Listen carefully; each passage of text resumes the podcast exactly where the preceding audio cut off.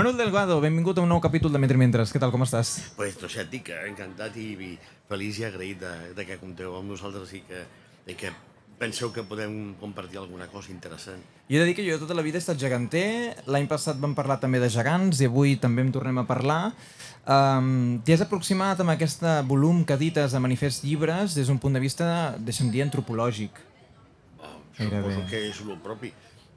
Exactament, és el que et És que toca. no, eh, no sé quina aproximació podria fer, però jo crec que sí que és important eh, subratllar que, clar, que és una perspectiva, diguem-ne, eh, eh, disciplinar Mhm, mhm. d'una disciplina que s'han ocupat de la cultura popular d'una forma gairebé de- d'ofici des de fa molts, molts anys, aquí a Catalunya particularment. La tasca que has fet és eh, interessantíssima perquè en el fons estàs parlant de la ciutat de Barcelona i dels barris, i sobretot d'alguns barris concrets eh, en el moment en què recuperen o no recuperen les seves tradicions i els seus gegants. Posa'ns exemples perquè en el pròleg eh, queda molt clar no? que exemples com Baicarca, entre d'altres, són per tu eh, un, un tema més interessant potser que d'altres. No sé si estàs d'acord amb mi. A la, a la pràctica es tracta de reconstruir quines eren les circumstàncies d'aquesta mena de recuperació del carrer eh, en la que la festa i la cultura popular va tenir un protagonisme especial i que va ser doncs, amb l'època d'allò que anomenen, posem-li cometes si voleu, transició. I és aquí on justament eh, es produeix un fenomen realment interessant en relació al que és la cultura popular i tradicional. I hem triat eh, quatre barris i la veritat és que han estat si fa o no fa, gairebé per atzar. Eh, Sants, Poble Nou, eh, el que aleshores era la zona franca, eh, i després l'altre és... Eh, i, no, i, i Nou Barris. Uh -huh. I són diferents, mm, dos a dos, diguem-ne, Nou Barris i Zona Franca són eh, barris essencialment alimentats per, per, per, per la immigració dels anys 60 de la resta de l'Estat i els altres dos són barris antics. Però tots quatre són barris populars.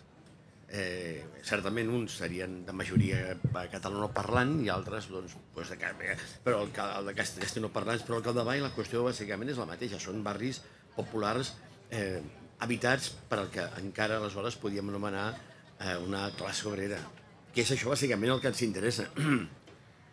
És a dir, com eh, un element de la cultura popular i tradicional que havia tingut uns usos, si és que la cultura popular es pot concebre amb alguna cosa que no siguin els seus usos, doncs rep una relectura, inclús estètica, eh, absolutament radical, que fa que aquests elements, que formaven part del repertori del que seria el costumari eh, català, doncs, eh, bueno, doncs tinguin un, eh, una altra interpretació, un altre ús, un altre significat, que en aquell context Mhm. es va posar bàsicament en, al servei de, de, de la causa democràtica i en bona mesura del que era la, la causa de l'anomenada classe obrera que alguns potser enyoren però és que aleshores existia Intentarem baixar una mica el micròfon perquè no, hi hagi, no s'acopli. Um, ara, justament amb el que deies, eh? vull dir, és un, és un fenomen que es pot analitzar des de molts factors, però el que està clar és el fenó, eh, hi, ha un fa, hi ha un fenomen econòmic que és en el moment en què apareixen no, els diners perquè aquestes, aquests barris reconstrueixin, modernitzin els seus gegants. És a dir, hi ha una política cultural per part d'aquí per incidir en aspectes com pot ser la cultura popular i en aquest cas sempre és des del teixit associatiu? A veure, la cultura popular, ara per ara, és una cultura monitoritzada eh, i que en bona mesura eh, depèn de, de, del suport institucional, no Sí. ens enganyem. Però, atenció, et, et puc assegurar-te que l'any 78, 79, 80, Clar. el que, el que hi havia eren eh, gegants que, en el millor dels casos es pagaven eh, amb un, no sé, alguna, alguna casa especialitzada i a un dissenyador eh, especialitzat, però molt, molts d'ells es feien, diguem-ne, de qualsevol manera amb materials. L'Ingenio aquí a Barcelona com era un que exemple. encara existia, però en realitat una bona part de, de gegants eh, són fets a mà i, i per part justament de gent dels barris i amb una economia... Alguns, atenció, es recuperen bàsicament de les parròquies. El cas de Poblenou, per exemple, i de Sants.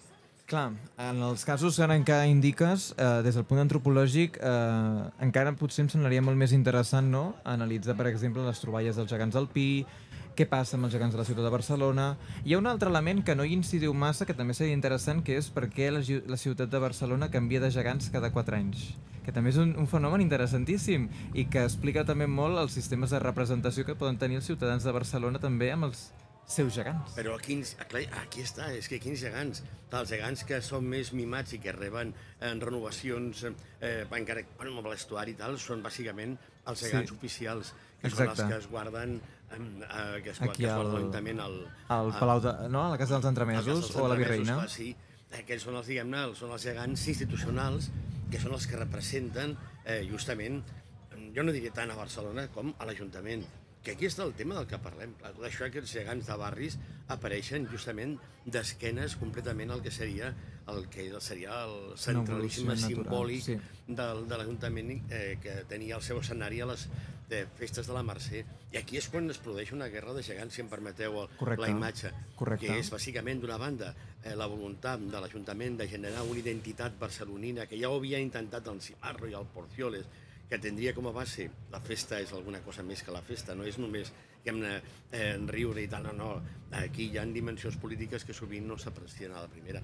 I l'Ajuntament va apostar justament per generar tot un aparell festiu del que el correfoc justament va ser un dels elements, eh, però això només podia fer-ho a base de mantenir a ratlla i eh, ensinistrar el que eren els gegants de barri, que és el que va propiciar la generació de gegants del districte. Clar. En definitiva, el que volem explicar és que això de la cultura popular i tradicional sembla molts de flors i violes, però és sempre, eh, sempre és conflictes. Sempre és conflicte, exactament. I en aquest sentit encara més. O sigui, eh, la festa, eh, la cultura popular, no és només bueno, diguem, no, un, una espècie de, de parador on, on apareix l'autenticitat del és realment una, una forma a través del qual eh, forces, instàncies polítiques i socials eh, es dramatitzen. Uh -huh, uh -huh. Per exemple, el tema dels gegants és interessant, perquè parlaves del gegant del Pi.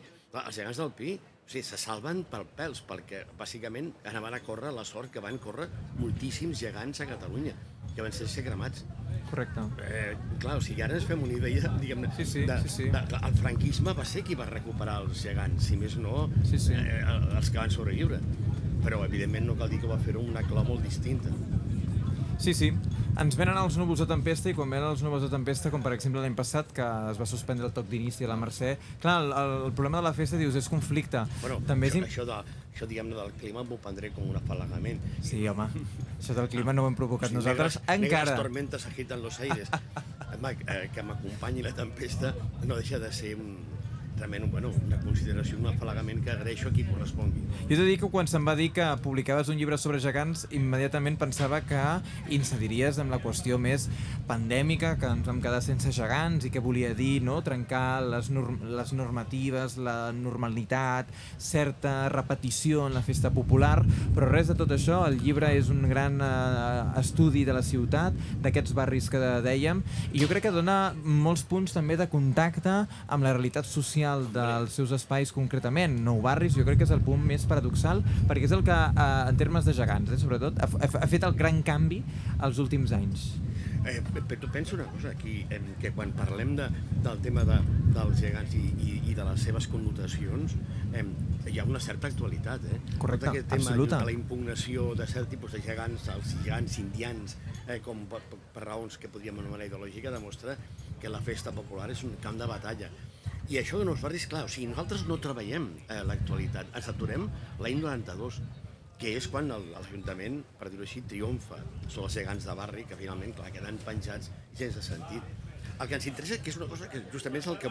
A veure, un, fer una recerca és intentar es, eh, esbrinar i explicar una cosa que no sabíem, si no, no té cap sentit. I això és una recerca que ens va, eh, pensionar el Jut Ramon Montaner i la Generalitat. Exacte. I la nostra idea era justament la de, bueno, mm, la d'explicar una cosa que és que ni t'ho imagines, que és el paper que va jugar amb l'aparició de les colles giganteres, que són un invent d'aleshores, eh, eh, el que era bona part de, de l'aparell polític eh, clandestí a Barcelona, i essencialment eh, els comunistes i essencialment la- l'església de base. Uh -huh, uh -huh, Perquè en aquell context els gegants van ser un instrument de les associacions de veïns, que eren bàsic, que, que trobàvem justament amb la festa el mecanisme que permetia recuperar un carrer que qui més eh, estava posant i vindicant en, en termes de clandestinitat era l'oposició antifranquista, que eren els que eren.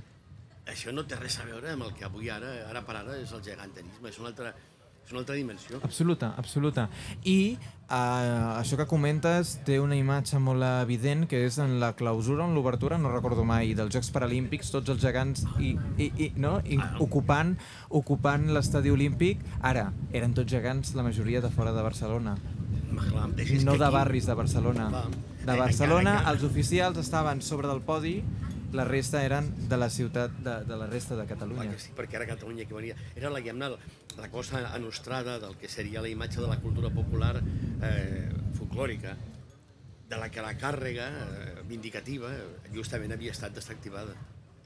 Déu-n'hi-do, déu nhi déu em sembla interessantíssim avui que hagin pogut parlar d'aquest llibre que has publicat a Manifest Llibres. Uh, Manuel, jo et vull preguntar també per altres qüestions. Una és la teva gran reivindicació sempre a un antropòleg com, com és el, eh, ara ho diré Ernesto de Martino, que l'has estudiat i sempre l'has reivindicat moltíssim.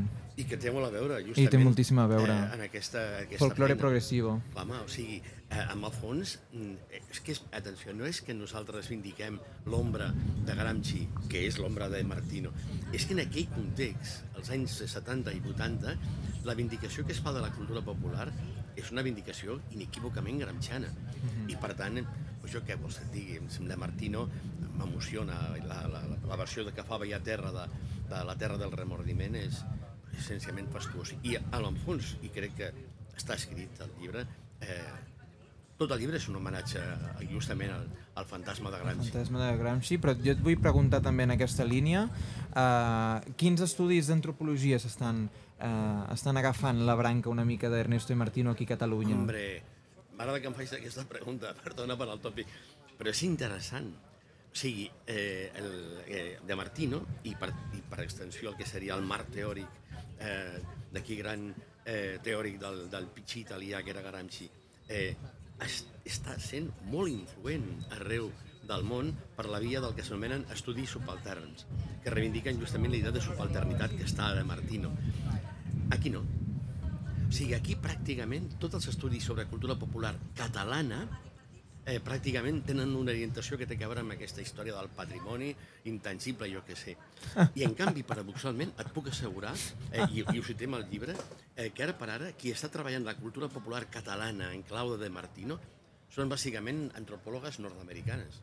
Clar, aquest és el... Eh, és una paradoxa. No, no, no, em sembla interessantíssim com ho estàs plantejant. ràpidament, Aquí, als anys 70-80, va estar molt de moda Gramsci, l'antropologia gramsciana. De sobte, diguem-ne, no sé què va passar, però ens van dir que no havien de parlar de cultura popular, sinó que havien de parlar de patrimoni intangible. Ningú va entendre exactament en per què s'havia de canviar de registre teòric, a no ser que sospitessin que es volia expulsar la noció de, classe, de classes populars del que serien les explicacions de fenòmens com podien ser els gegantes a Catalunya. Es va, es va deixar de parlar de cultura popular miraculosament, no miraculosament, sinó per aquesta mena de postmodernització que implica que pots parlar del que et dongui la gana sense esmentar mai classe social ni lluita de classe. O sigui, que està prohibit. Pots parlar el que vulguis, sí, evidentment pots lluitar contra qualsevol cosa més contra el capitalisme. Clar, ha estat, diguem, justament aquests estudiosos que parlen sobre, castell, sobre castellers, sobre, sobre eh, correfocs, i sobre gegants des d'una perspectiva de, de Martino, estan, vi- viuen als Estats Units i publiquen als Estats Units, aquí no. Aquí ens hem oblidat, tu. Manuel Delgado avui ens visita aquí a la Setmana del Llibre en Català, a la nostra paradeta de Mentri Mentres. Jo també, en aquesta línia, eh? jo ara que he estat uns mesets per Nàpols, en canvi allà els antropòlegs els tenen en un pedestal. Mira, és que això és un altre problema. O sigui, tenim problemes mm, de, diguem de matriculació. Jo crec que hem de demostrar que l'antropologia serveix per alguna cosa més que, eh, que per fer carrera acadèmica. O sigui, hem, hem d'intentar posar de manifest que podem ser, entre cometes, útils a la societat. Bueno, no a tota, evidentment, perquè segons a qui sigui útil tampoc és que fem un bon negoci. M'has de deixar que, que, que digui una cosa en relació Sisplau. al llibre. És la, la tasca d'un grup de... Exactament, això volia fer la falca publicitària i no és petita, eh, la tasca, sou uns quants, n'ets l'editor eh, que organitza i que signa el pròleg. Digue'ns també qui s'ha encarregat una mica de totes les tasques del llibre. Són, diguem, ens hem distribuït per barris, jo, diguem, jo he coordinat i he fet la part més teòrica, però eh, Anna Leli Castanyeda, Sandra Nitua, Miquel Fernandino, que parla d'un tema molt interessant, que és el tema dels, dels gegants, eh, dels gegants eh, eh, eh, Policinellis, o sigui, a, a, Sí. a les marionetes gegants, que és un tema realment interessant. Eh, I per últim, eh, eh, Marc Serra, que va ser qui va treballar al Poble Nou. Va ser una tasca molt interessant i va ser una tasca de descobriment, saps? Poble Nou, Gegants d'Ingenio, i que Poble Nou també eh, la tensió amb el que era el nucli barceloní encara potser era més gran mm, per altres motius, perquè no era el motiu de nou barris, que era potser una immigració que de cop venia, sinó era una qüestió cultural, que es veien fora de Barcelona com Gràcia. Poble Nou hi ha tot el tema de l'església. Clar, Clar. O sigui, hi ha gegants que es recuperen de l'església, que estaven a les golfes, perquè amb el, el rotllo aquest del Concili Vaticà II van, de, van decidir que les expressions externes del culte, per exemple, el Corpus Christi, sobrava i que havien de ser una cosa més interior i tal, i van, bàsicament, desfer-se dels, dels gegants. A Poble Nou, justament, els van rescatar de l'església, per part de la pròpia església que es va tornar, diguem, saps, progressista, l'època aquella dels, dels capellans obrers, clar, o sigui, en el fons no parlem de gegants. No, no, no, estem parlant de, de barris i de la ciutat i de, sobretot de totes aquestes persones que han confiat en la cultura popular mm, evidentment no des de la teorització, això ho heu fet vosaltres ara, però que obre tot un espai també de la teorització de què ha estat canviant, sobretot en els barris, a partir de uh, les representacions de cultura popular. I dels gegants tens raó, el que I aquí si entréssim a... Però Clar, penseu, quan es van inventar les colles? Això, diguem, això de que els castells... Això, diguem, ho portaven empleats municipals o gent que, diguem que... ah, exacte. Eh, O sigui, que l'imatge de la colla castellera, com a part de l'associacionisme de l'època, com a fenomen és fastuós. Sí, sí, sí, i és innovador en aquest sentit, i és força nou. Manuel Delgado, la Barcelona postolímpica gegantera Cal. I la reivindicació també d'Ernesto de Martino, sempre present, i d'antropologia postgramsciana.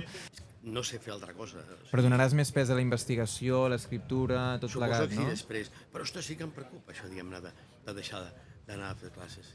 Perquè realment... Clar, la percepció és que ja has començat a, a fer-ne menys. No sé si tu també tens la mateixa percepció. Inevitablement, però per, no per, per falta d'ànim. No, no, no, clar, clar, clar. Hosti, clar, si, una, si, com, hosti, jo faig venir a la gent al barri eh, i, i m'estimo molt més prendre un cafè, una cervesa i tal, i fer la tutoria allà, perquè per mi és un problema. Eh, per tant, se'n veu menys. Però el que dic bàsicament és que les classes les continuo donant, espero que igual de bé o malament que sempre, i que, i que el Caldavall eh, realment és eh, allò que diuen el sentit de la meva vida. Ja sé que sona retòric i cursi, però és la veritat. Manuel Delgado, moltíssimes gràcies per avui apropar-te aquí a la Setmana del Llibre, al llibre en català, a Mentre Mentres. A vosaltres. Hola. Mira, i el Damià